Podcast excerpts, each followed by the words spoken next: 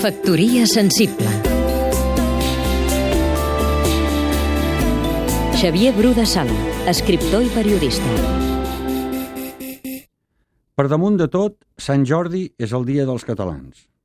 Si l'11 de setembre és la diada de Catalunya, el dia de tothom, la festa col·lectiva i reivindicativa, el 23 d'abril és el dia de la gent, la diada de cadascú.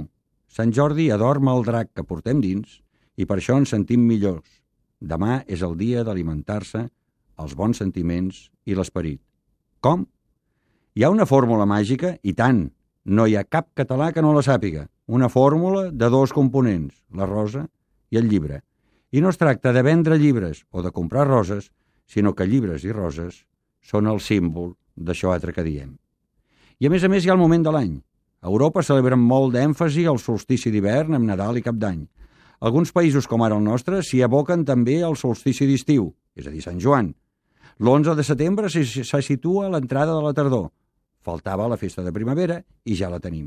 Tot ben repartit i equilibrat, malgrat els desequilibris i els desequilibrats. Acabem amb una recomanació. Quin llibre?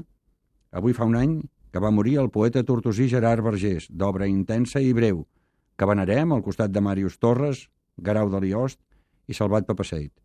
Si el llegiu, li agraireu que hagi escrit els seus poemes.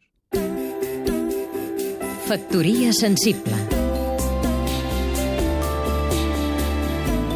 Seguim-nos també a catradio.cat